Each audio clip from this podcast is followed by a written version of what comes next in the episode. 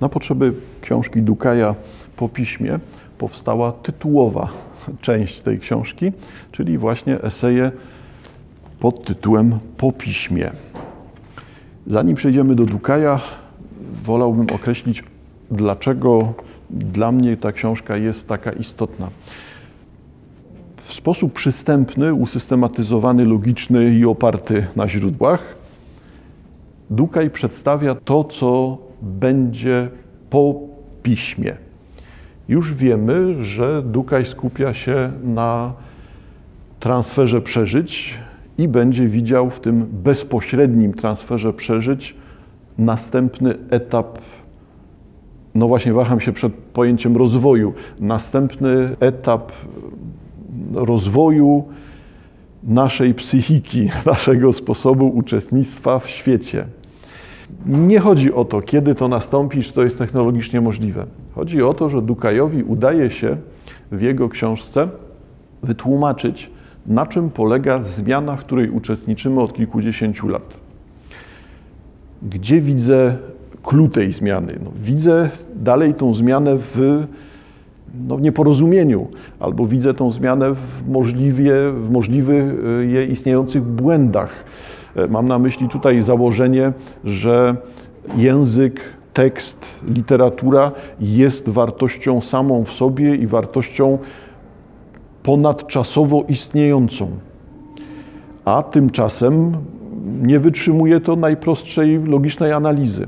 Nawet jeżeli literatura istnieje dostatecznie długo, to nawet nie mówimy dzisiaj o zmierzchu epoki Gutenberga i końcu pewnego sposobu istnienia tekstu tekstu literackiego, wypowiedzi sztuki, jaką jest literatura, wypowiedzi istniejącej w sposób masowy, przystępny, tani, no bo to by była ta epoka Gutenberga.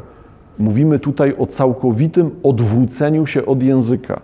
Współczesność charakteryzuje zanik języka, czyli porozumienie przy pomocy języka, tekstu i wyżej jeszcze zorganizowanej wypowiedzi literackiej jest czymś, co zdecydowanie należy do przeszłości, należy do czasów minionych. Przecież założenie, że każdy musi przeczytać odpowiednią ilość książek, jest założeniem błędnym. Nie musi. Na dodatek jeszcze nie może. Jeżeli ktoś nie ma umiejętności odpowiednio sprawnego czytania, to nie można od niego wymagać tego, aby poradził sobie z książką, która ma 500, 800, 1000 stron.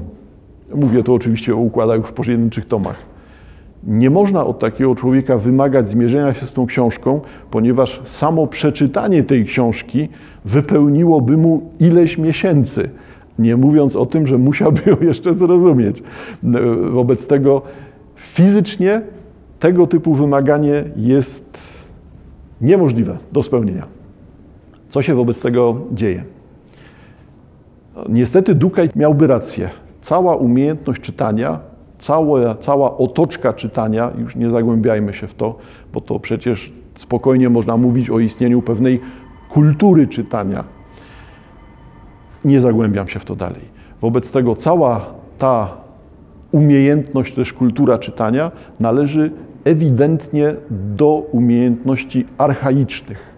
Wobec tego można sobie spędzać życie na byciu bibliofilem i szukaniu e, pierwszych wydań, paryskich wydań pana Tadeusza, bo zależy mi na tym, żeby to posiadać i mam niewyczerpalną ilość satysfakcji i poczucia spełnienia w życiu, jeżeli mam to pierwsze wydanie pana Tadeusza w swojej bibliotece i sięgam do tego z zachwytem raz na jakiś czas. Wymyślam teraz tego typu sytuacje. To wszystko jest przecież wyraźnym muzeum. Z szacunkiem całym do wszystkich muzeów. No to jednak, jeżeli w ten sposób charakteryzujemy tego typu umiejętności, to oznacza, że mówimy o czymś, co jest całkowitą przeszłością, zamkniętym rozdziałem. Ta rzeczywistość, czyli wymaganie dotyczące konieczności czytania, i przywiązania wartości człowieka do umiejętności czytania i rozumienia jest czymś, co rozminęło się z rzeczywistością i waham się teraz, czy przed 15 laty, 20, 25 czy 30 laty w Polsce, bo na tym materiale tylko mogę bazować, ale na pewno się z nią rozminęło. Wobec tego, tego typu wymagania, wszelkiego rodzaju hierarchię tekstów, e, listy lektur, dyskusje wokół tego i funkcjonowanie literatury i książek w ujęciu edukacyjnym, powiedzmy bardzo ogólnie, jest czymś na siłę. Jest sztucznym podtrzymywaniem, utrzymywaniem przy życiu czegoś, co się boję tego, no ale jednak trzeba by powiedzieć wprost, no, że jest już trupem i trzeba by jak najszybciej to sztuczne podtrzymywanie przerwać.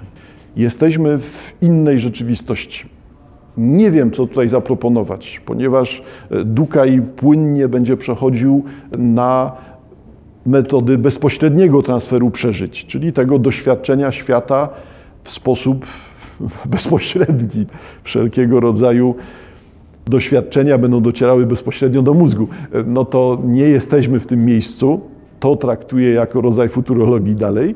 Jednak jednoznacznie Dukaj potwierdza to, co w ślad za nim przed chwilą próbowałem zarysować, czyli śmierć książki, śmierć czytania, śmierć literatury, kolejność wyliczenia przypadkowa teraz. I z tym trzeba by się zmierzyć. Jeżeli nawet podtrzymamy pragnienie przeżywania, podtrzymamy trwałość pragnienia przeżywania, pragnienia doświadczania w ślad za kimś, jeżeli podtrzymamy istnienie opowieści, zainteresowania opowieścią, właśnie jako elementu transferu przeżyć, ślad za Dukajem, no to ewidentnie odchodzimy tutaj od wszelkiego rodzaju starych tekstowych zabaw. A zauważcie Państwo, że sukcesem współczesnej szkoły jest wprowadzenie ilustracji do podręczników. Oczywiście, że teraz jestem zgryźliwy, bo nie tylko ilustracje, ale też wszelkiego rodzaju hipertekstowych odsyłaczy, które pozwalają na to, żeby wplatać w ten podręcznik publikacje filmowe, czy też materiały dostępne, multimedialne materiały dostępne w sieci. Oczywiście, że tak jest, ale to dalej nie jest to, ponieważ punktem wyjścia literatury w szkole jest dalej punkt dojścia, czyli literatura sama w sobie, a resztę traktuje się jako oprawę, a tymczasem współcześnie nie ma tekstu. Nie można wymagać tekstu, dlatego że nie ma umiejętności rozkodowywania tekstu. Nie ma umiejętności wśród młodych ludzi szczególnie dotyczących tego, jak sprawnie po tym świecie tekstowym się poruszać. I nie jesteśmy w stanie tego nauczyć, ponieważ ten świat jest światem czy z Marsa, czy z Wenus, niech będzie, ale na pewno nie ze współczesnej Ziemi. Czyli, jeżeli tak na to popatrzymy, Dukaj jest bardzo interesujący, bo stara się odpowiedzieć, stara się zdiagnozować współczesność, nie oceniać jej w taki sposób, jakiś tam, nie wiem, pesymistyczny, czy, czy sposób skierowany przeciwko poszczególnym osobom, tylko stara się zrozumieć proces, proces, zjawisko i stara się zrozumieć, czy wskazać, jakie zjawiska będą następowały później. I stąd ta zasadnicza część książki, y, część książki Dukaja, czyli część po piśmie. Sięgamy do Dukaja. Pomiędzy człowiekiem i człowiekiem znak przeżytego. Od tego rozpoczyna swoją wypowiedź Dukaj tej części tytułowej. Czyli pomiędzy człowiekiem i człowiekiem występuje coś, co jest pragnieniem dzielenia się przeżyciami. Pojawia się znak jako konstrukt, jako coś istniejącego, co sprawia, że istnieje możliwość, abyśmy podzielili się tym, co przeżywamy. Pomiędzy człowiekiem i człowiekiem znak przeżytego. Dalej Dukaj. Odnajduję w sobie obce istoty. Nie są mną, są we mnie, lecz nie mam świadomości ich tworzenia. Nie zachowałem w pamięci momentu ich wydzielenia z siebie. Wiem, że je przyjąłem i że daję im glebę, pożywienie, światło, że to we mnie rozkwitają. Są to myśli, są to wyobrażenia, okruchy zwierciadła rzeczywistości, reprezentacje świata, reprezentacje innych ludzi. Znajduję w swoim wnętrzu świat i ludzi. Myśl przychodzi, gdy ona tego chce, a nie gdy ja tego chcę. Kiedy mówi, że podmiot ja jest warunkiem orzeczenia myślę. Kto mówi, że podmiot ja jest warunkiem orzeczenia myślę, ten zafałszowuje stan faktyczny. Cytat spoza dobrem i złem niczego. W jaki sposób mogę owe cuda, tak lekko nazywane myślami, wyprowadzić z pustelni jednoosobowego życia? Jak uczynić je niepodległymi od świadomości, pamięci, od mojego aparatu czuciowego i następnie przekazać tak dla rozkwitu pod światłem innej świadomości? Zauważcie Państwo, no jest to ilustracja, bardziej obrazowe ukazywanie tego, co jest tutaj punktem wyjścia. Komentarz dotyczący tego znaku przeżytego pomiędzy człowiekiem a człowiekiem. W jaki sposób można przerzucić mosty znaczeń między jednym człowiekiem a drugim? Sprawić, by to, co się wydarza w moim wnętrzu, to, co przeżywam, znalazło drogę do Twojego wnętrza. Jakie są konsekwencje powszechnego stosowania takiej, a nie innej metody transferu przeżyć? Dopiero po miesiącach żonglowania surowymi ideami pojąłem, w jaką grę tu gram. Próbuję mianowicie pokazać dzieje człowieka jako następstwo różnych metod transferu przeżyć, a jako napęd tych dziejów instynkt wyzewnętrznienia przeżycia. Jest to więc także próba uświadomienia znaczenia i wpływu tych metod nie tylko na kulturę i cywilizację człowieka, ale na samo człowieczeństwo. Pomijam fragment, dalej Dukaj. Poniższe przekonania prowadziły mnie w owym spacerze po krawędzi wyrozumowanego i przeczuwanego. 1. Znajdujemy się w okresie przejściowym między kulturą pisma i kulturą postpiśmienną. 2. Dominację kolejnych metod transferu przeżyć ustanawiają w dziejach człowieczeństwa trzy epoki: epokę oralną, epokę pisma, epokę bezpośredniego transferu przeżyć. 3. Siła i głębokość wpływu dominującej metody transferu przeżyć na umysł Homo sapiens są tak duże, że uczciwiej byłoby mówić o trzech człowieczeństwach warunkowanych przez różnice w tych nawykach i mocach umysłu. Chodzi jednak o kategorię węższą od bycia człowiekiem lub niebycia człowiekiem, a szerszą od rodzajów umysłowości. Nazywam ów charakterystyczny zbiór nawyków i zdolności myślunkiem. Tutaj Dukaj musiał wprowadzić tego typu pojęcie, żeby wyraźnie odróżnić, o który, no nie etap, o które wcielenie, którą ideę, który pomysł będący częścią człowieka mu chodzi. Czego dotyczy refleksja? Stąd prowadzenie tej kategorii myślunek.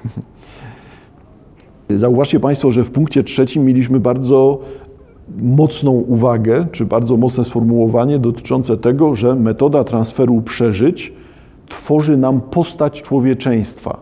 Wobec tego ta postać człowieczeństwa może jest tutaj tym myślunkiem, czymś, co nas różnicuje. Sposób myślenia różnicuje nas jako ludzi.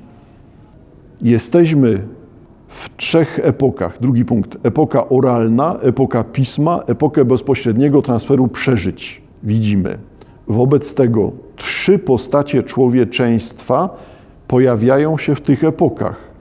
Inny pomysł na bycie człowiekiem związany jest z czasami przed pismem, czasami tylko opowieści, czasami kiedy pamiętamy, opowiadamy, mówimy, to jest jedno człowieczeństwo.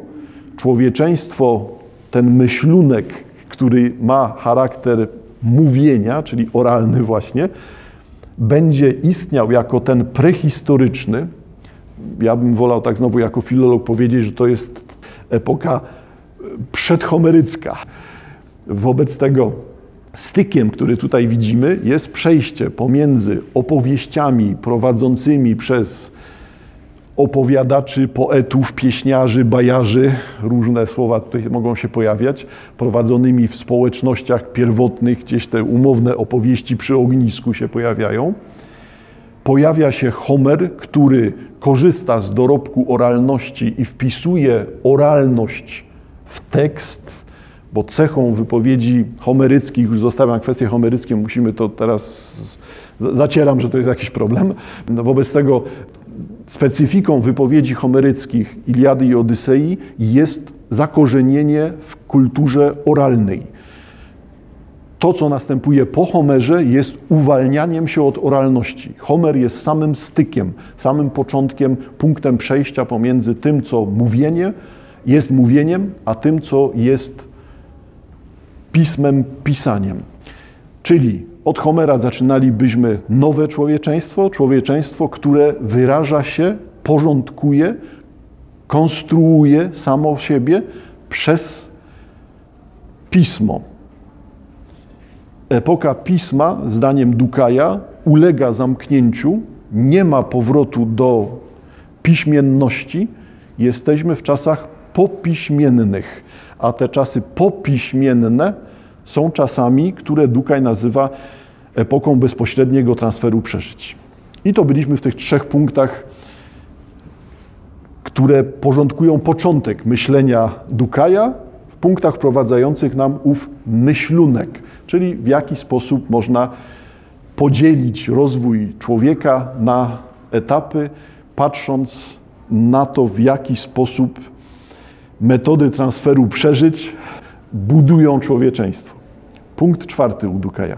Każdy myślunek wprost lub poprzez związane z nim technologie, bądź brak tych technologii, wpływa lub wręcz determinuje kształt społeczeństwa, kultury, porządku ekonomicznego, politycznego, aż do moralności, estetyki i najintymniejszych doświadczeń człowieka. Czyli wybór owego myślunku, owego modelu bycia człowiekiem, ustanowionego wokół metody transferu przeżyć, będzie widoczny w każdym aspekcie. To nie jest tylko sprawa czytania bądź nie czytania książek, tylko to się przejawia na każdy aspekt człowieczeństwa. Piąty punkt u Dukaja. Im doskonalsza metoda transferu przeżyć, tym większą niepodległość one zyskują wobec tych, co je przeżywają, wobec przeżywaczy. Czyli następuje tu ewidentnie rozwój, następuje przekształcenie tej metody polegające na uwalnianiu samego transferu przeżyć. Może wolimy oczyszczaniu, a może wolimy demokratyzację bo transfer, bezpośredni transfer przeżyć jest przeżyciem zakładającym możliwość transferu bez żadnych obwarowań. Nie musisz umieć czytać, nie musisz umieć rozumieć. Możesz doświadczać bez tych założeń wstępnych. Stąd ta moja uwaga o demokratyzacji. Punkt szósty u Dukaja. Wartości postpiśmiennego przeżywacza nie są wartościami dziecka kultury pisma. Nie da się z wnętrza jednego myślunku oceniać ani planować innego myślunku. Co dobre, co złe, co piękne, co brzydkie, nie daje się przeszczepić z jednego kontynentu myśli na drugi. Człowiek wychowany w piśmie właściwie nie może myśleć o postpiśmienności inaczej jak o nowym barbarzyństwie i upadku kultury. I teraz zauważcie Państwo, Dukaj celnie wskazuje na to, co jest kulą u nogi ludzi współczesnych, czyli to, że patrząc na świat piśmienny, patrząc na świat poprzez erę, niech będzie tak to nazwę, pisma, są oni do tego pisma przywiązani. Wobec tego jakakolwiek zmiana jest tutaj zmianą przeciwko całemu człowieczeństwu. Czyli ci piśmienni nie zrozumieją postpiśmiennych, bo jest to inny model bycia człowiekiem. I to jest to właśnie, o czym Dukaj mówi, że E, różnice są tak duże, że są to trzy człowieczeństwa. Ten postpiśmienny człowiek byłby innym człowiekiem. Potem następuje u Dukaja przegląd technologii. Technologii, przegląd tego, czym jest to odwoływanie, czym jest to istnienie transferu przeżyć w różnych postaciach, w różnym czasie. E, mamy przegląd poprzez rozdziały różnych zjawisk, różnych zagadnień. Wobec tego jednym początkowej części e, będą uwagi poświęconej technologii pisma, jako temu przejściu z oralności do piśmienności. Może właśnie te przejścia, czy też te styki epok będą najbardziej interesujące, no bo to, co jest stykiem pomiędzy oralnością a piśmiennością, byłoby poprzez analogię możliwe do wykorzystania jako styk pomiędzy piśmiennością a postpiśmiennością, czyli tą epoką, która całkowicie od pisma się uwalnia. Przykłady uwag o piśmie u Dukaja. Pismo jest technologią, służy określonym celom. Jego używanie niesie ze sobą określone koszty i określone korzyści. Pismo wywołuje konkretne zmiany w strukturze społecznej, kulturze, w myślunku. W momencie, gdy inna technologia pozwala osiągnąć te same cele i zaspokajać te same potrzeby lepiej, sprawniej, taniej, wygodniej, zastępuje ona pismo. Jakim to celom służy pismo? Czy zmiany społeczne, kulturowe, umysłowe związane z przejściem na inną technologię nie są na tyle głębokie, że ich koszta ostatecznie zahamują sam proces przejścia? Czy technologia pisma już nie zmieniła ludzkości tak dalece, że narzuciła własne cele? Do jakiego stopnia człowiek współczesny jest wytworem pisma? I to są znowu te uwagi startowe u Dukaja. Za chwilę będą pojawiały się y, przykłady, egzemplifikacje, tak to miałem na myśli wcześniej, e, które pokazują fakty z historii, historii kultury, historii literatury, uzasadniające takie właśnie rozumienia. Pisma jako technologii, technologii, która oddziaływuje na człowieka, przekształca człowieka, bo to, że przekształca świat, to już wiemy. No ale tutaj mamy już punkt, że chodzi o przekształcanie samej osoby. Jeżeli mówimy o przekształcaniu osoby, znowu przeskakuję tą merytoryczną część wypowiedzi Dukaja, Dukaja ponieważ, no ponieważ jest to do samodzielnej lektury, żeby zobaczyć ilości przykładów uzasadniających takie właśnie spojrzenie. Sięgam do tego, na czym polega znowu przejście, zestawienie tych epok i w jaki sposób możemy charakteryzować naszą współczesność jako kulturę bezpośredniego transferu przeżyć, jeżeli przyjmiemy to nazewnictwo w ślad za Dukajem. Fragment esejów po piśmie nosi tytuł Krótki przewodnik po myślunkach. Wiemy już, co to jest ten myślunek, jako pomysł na człowieczeństwo ukształtowane, czy człowieczeństwo powstałe w wyniku metody transferu przeżyć. Dotarwszy do druku i cywilizacji zaawansowanych technologii, stajemy u progu trzeciego myślunku, umożliwionego przez narzędzia przekazujące już nie znaki przeżyć, lecz same przeżycia – Pora więc zestawić ze sobą te trzy epoki w dziejach człowieka: kultura oralna, kultura pisma, kultura bezpośredniego transferu przeżyć i bliżej określić cechy szczególne, podobieństwa i różnice umożliwionych przez nie myślunków. I w ten sposób te formy człowieczeństwa y, brzmią w wersji Dukaja. Trzy formy człowieczeństwa nie ważą jednak tyle samo. Nie jest to ciąg równych i osobnych elementów zbioru. Lepiej oddaje ich relacje takie ujęcie sposobów zaspokajania instynktu wyzewnętrzniania, czyli tego transferu, chęci przeniesienia przeżycia z osoby na osobę, z podmiotu na podmiot. Czyli proponuje przejście Dukaj brzmiące tak, że tak jak mowa bezpośrednio ulega, wchodzi w relację z pismem, to w tym momencie technologia bezpośredniego transferu przeżyć wykorzystuje zarówno mowę, jak i jej przekształcenie w pismo. Czyli nie jest to prosty ciąg elementów, tylko technologia bezpośredniego transferu przeżyć nadbudowana jest łącznie nad pismem i mową. Albowiem dwa pierwsze myślunki opierają się na tej samej zasadzie symbolicznego kodowania znaczeń, to jest na języku. Dopiero technologie transferu bezpośredniego pozwalają język pominąć, przeskoczyć etapy przekazu symbolicznego. opierając się na pracach badaczy kultur oralnych, zwłaszcza na materiałach zebranych przez Waltera Jacksona Onga, destyluję poniżej podstawowe różnice pomiędzy oralnością i piśmiennością. W tym destylacie krystalizuje się już nasza postpiśmienność. Dlaczego krystalizuje się tak, a nie inaczej, stanie się, mam nadzieję, jasne w wyniku całego wywodu. Zdając sobie doskonale sprawę z uproszczeń właściwych każdej ostrej kategoryzacji, proponuję następującą regułę gramatyczną. I mamy teraz te trzy człowieczeństwa. Człowiek kultury oralnej, czasownikowy. Tak próbuje określić Dukaj odmienności tych trzech modeli. Człowiek kultury oralnej, czasownikowy. Słowo mówione się wydarza. Kosmos człowieka oralnego jest zachodzącym nieprzerwanie zdarzeniem, z zdarzeniem z człowiekiem w jego centrum. Człowiek jest pępkiem świata. Słowo mówione pracuje w czasie. Nie ma go, jest, było. I już znów go nie ma. Zgasło, usłyszane, może zapamiętane. Dźwięku nie da się urzeczowić. Nawet w naszej technologicznej cywilizacji jedyne, co zdołaliśmy zakląć fizyczny obiekt, to możliwość wytworzenia dźwięku, a nie dźwięk jako taki. Czyli my zapisujemy dźwięk, ale nie utrwalamy samego dźwięku. Mamy tylko sposoby zapisu dźwięku. Nie mamy możliwości utrwalenia drgań powietrza, które zawierają w sobie ten dźwięk. Dukaj dalej. Mam na CD nagrane opery. Trzymam płytę CD w ręku, ale nie słyszę opery.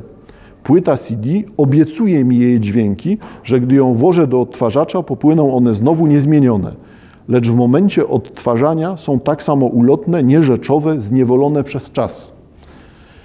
Czyli mówimy tutaj o tym sposobie istnienia w czasie. Kultura oralna jest kultur, kulturą y, tu i teraz albo jest kulturą, jak mówi Dukaj, słowa, które się staje. To, co wypowiedziane, jest tym, co istnieje i tym, co za chwilę nie istnieje. Czyli mamy tego typu postrzeganie świata, postrzeganie człowieka. Zauważcie Państwo, na jak wiele rzeczy to się momentalnie rozciąga ta koncepcja. Na przykład koncepcja religijności. Koncepcja religijności jest inna w kulturze oralnej, a inna w kulturze pisma. Nie musi tego Dukaj, Dukaj pisać, Dukaj wybiera ten przykład urzeczowiony, prostszy. Druga kategoria człowieka. Człowiek kultury pisma, rzeczownikowy. Słowa zapisane utrwalają się i urzeczawiają. Postępuje ich upodmiotowienie. W piśmie istnieje to, co już nie istnieje, co niby przestało istnieć, ale zostało zapisane piśmie istnieje to, co nigdy nie istniało. Oto jest fikcja na papierze nieodróżnialna od prawdy. Papier nie ma twarzy, emocji, reputacji, zdolności reagowania na nasze reakcje. Nie można przypisać książce świadomości przekazywania prawdy lub fałszu. Każdy mówiący kieruje zaś swoje słowa do kogoś i z określoną intencją. Słów wypowiadanych nie da się oddzielić od mówcy, ale da się oddzielić słowa zapisane od ich autora. Jest to mowa do nikogo i bez świadomości mowy. W piśmie istnieje to, co nie może istnieć. Na papierze rzeczami stają się abstrakty, kategorie, zbiory liczby. Liczby nie istnieją poza językiem. W językach przedpiśmiennych liczenie polegało na wbudowanych w mózg zdolnościach do rozróżniania między wyraźnie odmiennymi wielkościami, jak mnóstwo i mało, oraz najczęściej do rachowania do trzech. Rzeczywiście, wszystkie operowanie na liczbach to są kategorie, które pojawiają się czy rozwijają się doskonale dopiero w czasach pisma. Nie istnieją jako refleksja w kulturze oralnej. Trzeci model człowieczeństwa. Człowiek kultury postpiśmiennej, przymiotnikowy. Jest przeżywacz i to, co przeżywa. Co takiego to jest, najczęściej nie potrafi on stwierdzić, nawet i nawet go to nie interesuje. Samo źródło przeżyć pozostaje poza zasięgiem osobistej weryfikacji.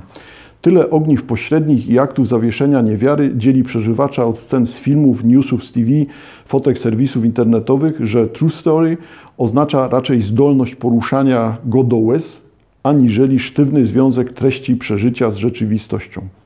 ale jaka ta treść jest, a w tym wartość i istota. Coś dotknęło nas, poruszyło, przeżyliśmy to prawdziwie i głęboko, i stąd pochodzi jego jakość, a nie ze źródła. W te same przymiotnikowe przeżycia można opakować byt istniejący, nieistniejący oraz zawieszony gdzieś pomiędzy istnieniem i nieistnieniem, wątpliwy rzeczownikowo. Z czasem wszystkie przeżywane byty jawią się tak zawieszonymi, bo nie mamy czasu ani praktycznej możliwości dociekać ich statusu. Nie ma on znaczenia, znaczenie mają wyłącznie kolory jego powierzchni, przymiotniki przepływające po zmysłach dojmujących przeżyciami. Im bardziej bezpośrednie przeżycie, tym bardziej pozasłowne. Słowa wybijają z przeżywania, wymuszają skupienie się na znaczeniach, myślenie uporządkowane i logiczne zamykają żywe, rozbuchane przeżycia w ciasnych pudełkach kategorii, ujednoznaczniają. Przeżywacz nie musi sobie wyobrażać obrazów, dźwięków, zapachów, dotyków na podstawie opisujących je słów. On te obrazy, dźwięki, zapachy, dotyki ma dane wprost, a nawet najważniejsza jest ich skuteczność oddziaływania, moc, ich wartość jak. Czyli zauważcie Państwo, na czym polega przejście. Mamy czasownikowość kultury oralnej, rzeczownikowość, owe uprzedmiotowienie słów, pojęć, sposobu rozumienia świata, rozumienia świata widoczne w kulturze pisma. I mamy człowieka kultury postpiśmiennej, czyli człowieka przymiotnikowego.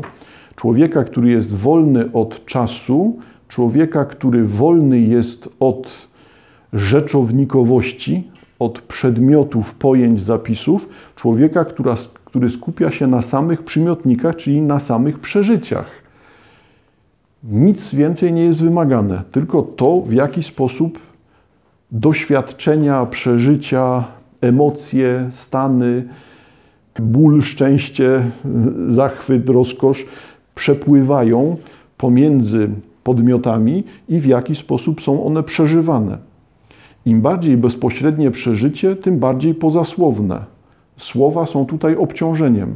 Więc jeżeli tak na to popatrzymy, to jasne staje się to, co próbowałem zarysować na początku. Jeżeli współczesność są to czasy postpiśmienne, używając tych kategorii Dukaja, to oznacza, że sięganie do słów, uruchamianie słów, posługiwanie się słowami, posługiwanie się tekstem, przywiązywanie wagi do literatury jest czymś, co jest jawnie w opozycji do teraźniejszości. To jest tak, jakbym nawoływał do tego, abyśmy wszyscy zachwycali się antycznymi bukolikami. Widać, że to jest przeszłość, że to jest coś minionego, coś, co jest w konflikcie z teraźniejszością. Więc tu mamy przejście, ten punkt, punkt styku piśmienności z podpiśmiennością. Podpiśmienność oddziela nas od języka, ponieważ słowa wybijają z przeżywania. Słowa są obciążeniem dla przeżywania. Zdaniem Dukaja istotne jest wobec tego przeżywanie, a wszystko, co związane jest ze słowami, czyli z tekstem, czyli z literaturą, czyli ze sztuką, wszystko to jest przeszłością i opowieścią archaiczną, czymś, co nie pomaga człowiekowi współczesnemu, tylko jest dla niego obciążeniem.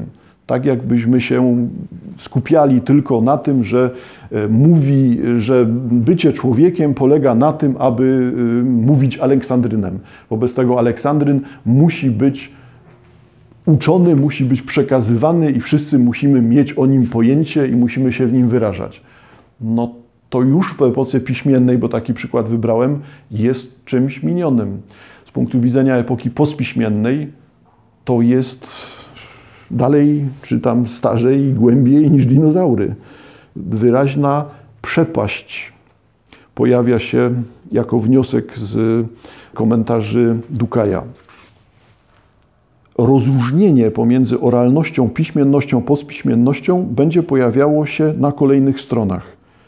Będzie to rzeczywiście u Dukaja bardzo sensownie przeprowadzony ciąg. Zostawię to, bo to czytelnik musi się z tym sam zmierzyć. żeby było widać, na czym polega samo przejście. No sięgnijmy do tego, co jest już stykiem piśmienności i postpiśmienności u Dukaja. Dla kultury pisma charakterystyczny jest porządek fabuły, aż do poziomu matematycznej ścisłości wynikania, gdy ze sceny 102 wynika scena 103 i tak dalej. Fabuła jest tu w pełni wyjaśnialna sama przez się. Odbiorca nie wymaga żadnych dodatkowych informacji, by w narrację wejść. Dla kultury bezpośredniego transferu przeżyć właściwy jest natomiast brak konstrukcji fabularnej. Zamiast niej pojawia się struktura wynikająca z pokrewieństwa przymiotnikowych jakości przeżyć, coś co można nazwać mapą rzeki przeżyć. Czyli widać, na czym tutaj polega różnica. Fabuła, fabuła jest wymagana przez, jest częścią struktury tekstu.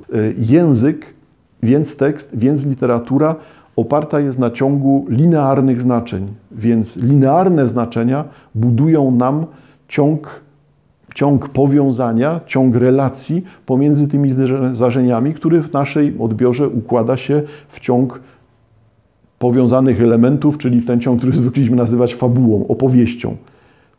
Tutaj natomiast nie chodzi o opowieść. Chodzi o to, aby mieć nawet nie listę i nie linearność, tylko mieć mapę rzek przeżyć. Gdzie to pojawia się w kulturze popularnej? Pojawia się w tym momencie, gdy współcześnie odbiorca decyduje się na to, aby uczestniczyć w wielu transferach przeżyć jednocześnie. Co mam na myśli? Mam na myśli uruchomienie najlepiej dwóch, trzech kanałów telewizyjnych, położenie sobie na kolanach laptopa z dwoma, trzema oknami z transmisji live, otwarcie sobie okna bądź założenie mikrofonu, którym będziemy w tym samym czasie rozmawiać z kimś, bądź będziemy no, po staremu jeszcze niech będzie dyktować wypowiedzi, które będą się pojawiały na, czasie, na czacie i w tej rzeczywistości zwielokrotnionej z, i w rzeczywistości zwielokrotnionych przeżyć tkwi człowiek współczesny. To jest jego naturalne środowisko. Więc nie jest ono linearne, nie jest ono w żaden sposób powiązane z logiką języka, tekstu, literatury. Mapa rzek przeżyć. Ciągi przeżyć, które jednocześnie pojawiają się, tworząc układ, niech będzie po staremu mapowy, czyli takich barwnych plam, które nam sugerują, co jest czym na mapie. Możemy ją sobie dzisiaj przeczuwać, dalej Dukaj, możemy ją sobie już dzisiaj przedczuwać w półprzytomnym dryfowaniu po klipach na YouTubie, oglądanych przez snem bądź w otępiającym zmęczeniu. Senność, zmęczenie, alkohol pomagają nam, urodzonym w myślunku pisma, wyłączyć agencje mózgu domagające się liniowej opowieści. Czyli to, co jest chaosem i koniecznością znieczulenia oczekiwanego przez człowieka epoki pisma, jest naturalnym środowiskiem człowieka epoki postpiśmiennej. I ta nasza trzecia epoka, trzeci człowiek u Dukaja. Czy nadejdzie po nim jeszcze inny myślunek, czwarty mind style, czy też technologie bezpośredniego transferu przeżyć domykają te dzieje? Wówczas na całą kulturę pisma, która nam wydaje się niemal drugą naturą człowieka, kosmosem, ograniczoną totalnością, patrzeć się będzie jak na krótkie, dziwne interludium wciśnięte między nieskończoność i nieskończoność. Gdzie bardzo obrazowo i dosadnie odnajduje Dukaj źródło postpiśmienności albo też, no właśnie, egzemplifikację pozwalającą na to, żeby zobaczyć na małym terenie, na małym wycinku, na czym całe to zjawisko polega, nie jako zjawisko futurystyczne czy fantastyczne, tylko jako na zjawisko istniejące. I co znajdziemy u Dukaja? No, ciekawy przykład. Przyjrzyjmy się już z bliska niektórym właściwościom i konsekwencjom myślunku postpiśmiennego. Branża pornograficzna znajdowała się zawsze w samym szpicu przemian i rewolucji technologicznych prących ku cywilizacji transferu przeżyć. Owszem, bardzo brutalne, bardzo dosadne i bardzo mm, rzeczowe wskazanie na przykład bezpośredniego transferu przeżyć, ale jednocześnie pozwalające nam zrozumieć jego istotę, która w różnych dawkach będzie występowała w różnych metodach transferu. Dalej Dukaj. Pojawiają się kasety wideo i kamery domowego użytku. Pornografia z miejsca wchodzi w ten standard nagiego przeżywactwa. Pojawia się internet i streaming wideo, pornografia i tu wyznacza standardy. Transmisje live, setki tysięcy camgirls z, ich, z nich żyją. VR, porno było w wirtualu pierwsze. Chyba żadna inna branża nie dąży tak wprost i pod tak bezpośrednią presją popytu i podaży do osiągnięcia maksymalnej skuteczności transferu przeżyć, z wyłączeniem wszelkich innych funkcji narracyjnych, estetycznych, informacyjnych, symbolicznych. Zauważcie Państwo, co się udaje Dukajowi znaleźć przy pomocy swojej mapy pojęć, swojego pomysłu na porządkowanie współczesności. Tutaj pornografia pozwala na to, aby pokazać pornografię w tej postaci współczesnej jako coś, co jest opozycyjne wobec kultury pisma. Co to jest kultura pisma? To są funkcje narracyjne, estetyczne, informacyjne, symboliczne. To jest to, co jest pismem. A czym jest pornografia? Dążeniem do osiągnięcia maksymalnej skuteczności transferu przeżyć wszystkie dotychczasowe funkcje pisma zostają skreślone, bo osiągalne jest to, aby przeżycie transferowane było bez narracji, estetyki, informacji i symboli. Dalej Dukaj. Co było pierwsze, jajko czy kura? Czy to nowe możliwości techniczne sprowokowały eksplozję popularności porno, czy też raczej wrodzony głód nagich przeżyć libidalnych pchał branżę ku technologicznym podbojom? to nie wyjaśnimy, Dukaj też tego nie będzie wyjaśniał. Czy porno tworzy zmianę, czy też porno podejmuje istniejącą już zmianę. Tak czy owak, głęboki masowy wpływ pornografii przeżywanej dzięki coraz wyższej jakości transferowi audio-wideo, dotyku, zapachu, pełnej imersji VR-owej to jeden z najistotniejszych czynników formatujących ludzkość od, od myślunku postpiśmiennego. Gdzie są argumenty proste? Są tutaj w przypisach. Wpływ VR-u w branży porno, czy obecność branży porno, w branży porno VR-u, przypis pierwszy, analitycy giełdowi zakładają, że do 2025 roku pornografia będzie trzecim największym biznesem VR. To pokazuje miejsce pornografii w VR-ze. I przypis drugi do myślunku postpiśmiennego. Przemysł porno w 2017 roku wyceniony był na 97 miliardów dolarów, dolarów zysku, zyskami bijąc już o połowę całą produkcję Hollywoodu. Każdego miesiąca strony pornograficzne mają więcej aktywnych użytkowników niż Netflix, Amazon i Twitter razem wzięte. Przy czym Twitter sam jest w coraz większym stopniu platformą porno.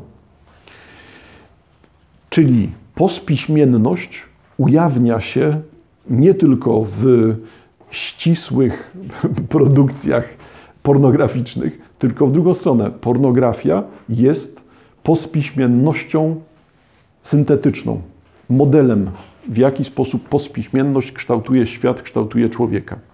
Dalej Dukaj. Każde przeżycie porno jest bezkontekstowe, bezczasowe. Nie łączą ich żadne związki przyczynowo-skutkowe. Czyli zauważcie Państwo, dalej Dukaj rozwija to samo. W jaki sposób Porno jest przykładem pospiśmienności, ponieważ odcina się od wszystkiego, co ma charakter piśmienny. Nie są potrzebne żadne związki przyczynowo-skutkowe, nie są potrzebne konteksty, nie jest potrzebny czas, w sensie znajomości czasu, w którym rozgrywa się porno. Dalej Dukaj. Każde przeżycie porno spełnia się całkowicie w swej kombinacji jakości, czyli w kombinacji przymiotników. Cała nasza, nasze przeżycie porno jest przymiotnikowe. Nie wymaga żadnych operacji umysłowych, intelektualnych, językowych. Wszystko sprowadza się do ciągu przymiotników. Każde przeżycie porno zakłada podmiot wydrążony, puste, pozbawione jakości ja, w które wlewa się kompot przeżyć. Czyli ta wydrążoność człowieka Wcześniej Dukaj powołuje się tu oczywiście na wydrążonych ludzi Tomasa Sensa Eliota i stamtąd bierze to, to pojęcie człowieka wydrążonego. Tutaj zauważcie Państwo, w podspiśmienności jest to jedyny istniejący model, czyli jeżeli mówimy o bezpośrednim transferze przeżyć, to człowiek jako podmiot musi być tylko miejscem na przeżycia. Nie ma tu niczego, co by wpływało, modyfikowało, zmieniało czy dopasowywało przeżycia do swoich oczekiwań. Nie, czyli pojawia się ten podmiot wydrążony. Każde przeżycie porno zakłada podmiot wydrążony, puste, pozbawione jakości ja, w które wlewa się kompot, tutaj cudzysłów, kompot przeżyć. Gdy przeżywaczem jest heteroseksualny mężczyzna, postaci męskie najczęściej redukują się do organów płciowych. Kobieta jest przedmiotem, ale dzięki, e, właśnie dzięki temu tak intensywnie istnieje w przeżyciu. Mężczyzna jest podmiotem i, sta, i zostaje z niego pustka w kształcie mężczyzny z byczym fiutem. Każde przeżycie porno istnieje całkowicie poza prawdą i fałszem. To na pewno jest celowy zabieg Dukaja, ponieważ to bycie poza prawdą i fałszem, bycie poza dobrem i złem jest znowu odwołaniem, mówię jako człowiek epoki pisma, odwołaniem do ciągu znaczeń już wielokrotnie opisywanego w kulturze współczesnej, czyli od niczego rozpoczynając, przez Derridę przechodząc, nie wiadomo na kim kończąc. Czyli każde przeżycie porno istnieje całkowicie poza prawdą i fałszem. Zarazem dąży do jakości prawdziwości, realizmu, wiarygodności, gdy chodzi o sam akt seksualny, i zarazem w ostentacyjny sposób blokuje się poza realizmem życia. Wiedza o kluczowej roli pornografii w tych przewartościowaniach powoli przebija na powierzchnię kultury. Przez większość dziejów ludzkości erotyczne obrazy były odbiciami prawdziwych nagich kobiet, hołdami dla nich lub ich substytutami. Teraz po raz pierwszy w historii siła i powab obrazów przewyższyły siłę i powab prawdziwych nagich kobiet. Dzisiaj prawdziwe nagie kobiety to po prostu kiepskie porno. Naomi Wolf, mit porno. New York Magazine 2003 rok. Dalej Dukej. Pornografii, jak nigdzie indziej, najważniejsza jest jakość przeżycia, a jego pochodzenie nie ma znaczenia. Doświadczenia erotyczne najintensywniej przeżywane dzięki porno stanowią odtąd najwyższą formę miłości fizycznej. Wszystkie inne konkurujące z nim na tym polu bledną i, i zanikają. Ileż już zwyczajów oraz niby odwiecznych i naturalnych zachowań zmieniliśmy i zastąpiliśmy tymi podsuniętymi przez cywilizację. Nie powstały one jako skutek uboczny ewolucji biologicznej i kulturowej, lecz zostały zaprojektowane, by zaspokoić nas najpełniej, najwygodniej, najcelniej. I zaspokajają. Zauważcie Państwo, że tak patrząc na pornografię, widzimy, że na bazie tego przykładu możemy zyskać w miarę pełną orientację, przynajmniej w specyfice tego, co jest postpiśmiennością. I w tak rozumianych okolicznościach nie ma miejsca na to, żeby tłumaczyć, że pornografia istnieje również w tekście literackim, ponieważ to jest inna pornografia, działająca w inny sposób, wymagająca innego przygotowania. Pornografia postpiśmienna nie jest erotyzmem seksualnością czy pornografią, kolejność dowolna, które obserwujemy do tej pory jako elementy kultury pisma. Jest inaczej. Kultura transferu przeżyć przekracza granice fikcji i realu. Już tylko przykłady dotyczące tej epoki postpiśmiennej u Dukaja. Jako odbiorca, czyli przeżywacz, nie mam ani nie mam możliwości stwierdzić, czy źródło przeżywanych przeze mnie przeżyć jest prawdziwe, ani mnie to obchodzi, ani wpływa na intensywność przeżyć. Jako twórca, transferujący, też nie potrafię przypisać statusu real fikcja publikowanym przeze mnie przeżyciom. Czy życia upubliczniane w mediach społecznościowych przez miliardy współczesnych artystów życia są ich życiami prawdziwymi? Czy fikcyjnymi kreacjami pod oczekiwania przeżywaczy? czy też raczej układają sobie ci artyści, w większości nieświadomie, swe codzienne wybory i cały lifestyle już właśnie pod kątem transferu i zewnętrznej konsumpcji. Czyż i wtedy nie są zaledwie wypadkową trendów przeżywania cudzych żyć i oczekiwań przeżywaczy? Zauważcie Państwo, że komentarz Dukaja do współczesności, komentarz do powszechności social mediów w naszym życiu, do, do tego, no, do ich obecności na pierwszym planie. Proszę zauważyć, w jakim często, w jakiej, z jaką częstotliwością media tradycyjne, rozumiem tutaj radio i telewizja, odwołają się, odwoływują się współcześnie e, do e, social mediów. To nie jest już kwestia odrębności nurtów, tylko wyraźnie widać, że wiedza o świecie, komentarz do świata, stanowisko wobec świata, czy refleksja, czy decyzja są treścią social mediów, która przepływa do mediów tradycyjnych. Czyli tutaj już nie mówimy o tym, że to jest jakiś margines, tylko mówimy o tym, e, jak rządzi się Stanami Zjednoczonymi przez Twittera. I to jest punkt wyjścia. I Twitter pojawia się w tym momencie jako cień czy jako cytat w mediach. Czyli Dukaj zwraca uwagę na to, w czym jesteśmy współcześnie zanurzeni, albo jeżeli wolimy słownictwo oceniające, w czym aktualnie toniemy. Jeśli żyję tak, jak sfikcjowały mnie miliardy przeżywaczy, samych sfikcjowanych przez cudze przeżycia i tak dalej, i tak dalej, bez końca, to gdzie tu szukać granic i kryteriów realu? I tu widać, że ta opozycja współcześnie nie istnieje, że to, co jest realne współcześnie, zawarte jest w świecie czy social mediów, czy w świecie internetu i technologii wokół internetu żeby już nie, wracać do kategorii VR-u y, czy rzeczywistości rozszerzonej. Wiemy, że zaangażowanie, dalej Dukaj, wiemy, że zaangażowanie emocjonalne odbiorcy nie zależy od źródła przekazu. Czy jest to człowiek, czy na przykład bot, lecz od przesunięcia przekazu względem emocji początkowej, neutralnej, pozytywnej, negatywnej. Innymi słowy, od tego, jak bardzo daliśmy się poruszyć. Wiemy, że wczucie się w sytuacje dramatyczne także nie, nie, zależy od tego, czy wchodzimy tam w interakcję z żywymi ludźmi, czy z bytami fikcyjnymi. W latach 60. XX wieku Stanley Milgram przeprowadzi słynny eksperyment, w którym osobnicy pozostawieni w sytuacji władzy, działający pod wyższym autorytetem, aplikowali wstrząsy elektryczne nieznajomym. Jeden z najbardziej znanych eksperymentów psychologicznych XX wieku. E, aż do ich śmierci aplikowali wstrząsy elektryczne nieznajomym, aż do ich śmierci, tych nieznajomych, aż do momentu, gdy byli przekonani o ich śmierci. W 2006 roku przeprowadzono analogiczną serię doświadczeń w University College London, tylko że nie na ludziach, ale na postaciach wirtualnych generowanych komputerowo. Okazało się, że pomimo iż wszyscy uczestnicy z całą pewnością wiedzieli, że ani ów nieznajomy, ani elektrowstrząsy nie są prawdziwe, ci, którzy byli ich świadkami, na poziomie subiektywnym, behawioralnym i fizjologicznym reagowali tak, jakby były prawdziwe.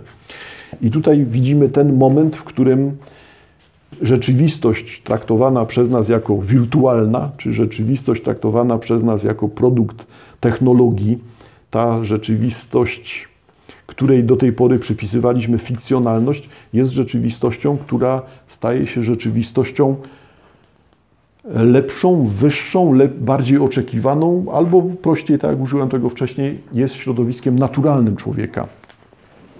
Świat postpiśmienny jest światem naturalnym. Może na przykład dlatego nie należy spodziewać się, że współcześnie e, taki sukces wielki odnoszą, odniosą wszelkiego rodzaju ugrupowania głoszące powrót do natury bądź grupy skrajnie proekologiczne, walczące o utrzymanie tejże e, natury bez skazy.